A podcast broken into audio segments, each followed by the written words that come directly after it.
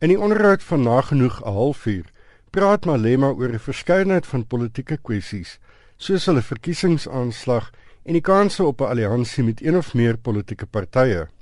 Hal het Malema egter vroeg in die onderhoud gevra om kommentaar te lewer op sy uitspraak in 2014 na die ANC Gauteng in die algemene verkiesings gewen het dat die EFF sal veg om die mag oor te neem. Part of your revolutionary duty is to fight.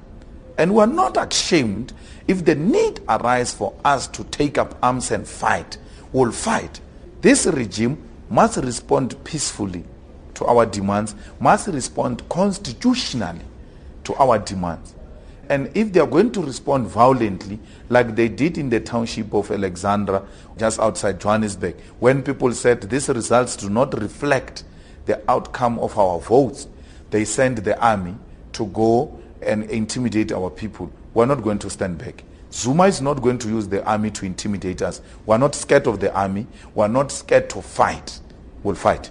Halwe weet of Malema regtig bedoel wat hy sê. Lest we find ourselves charged with misinterpreting your words yeah. when you say you are willing to take up arms.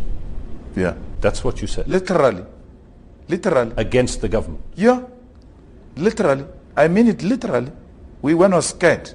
Malema sê hulle sal altyd eers vredesame metodes gebruik om kwessies te bevorder. We fight our battles through peaceful means, through the courts, through parliament, uh, through mass mobilization. We do that peacefully.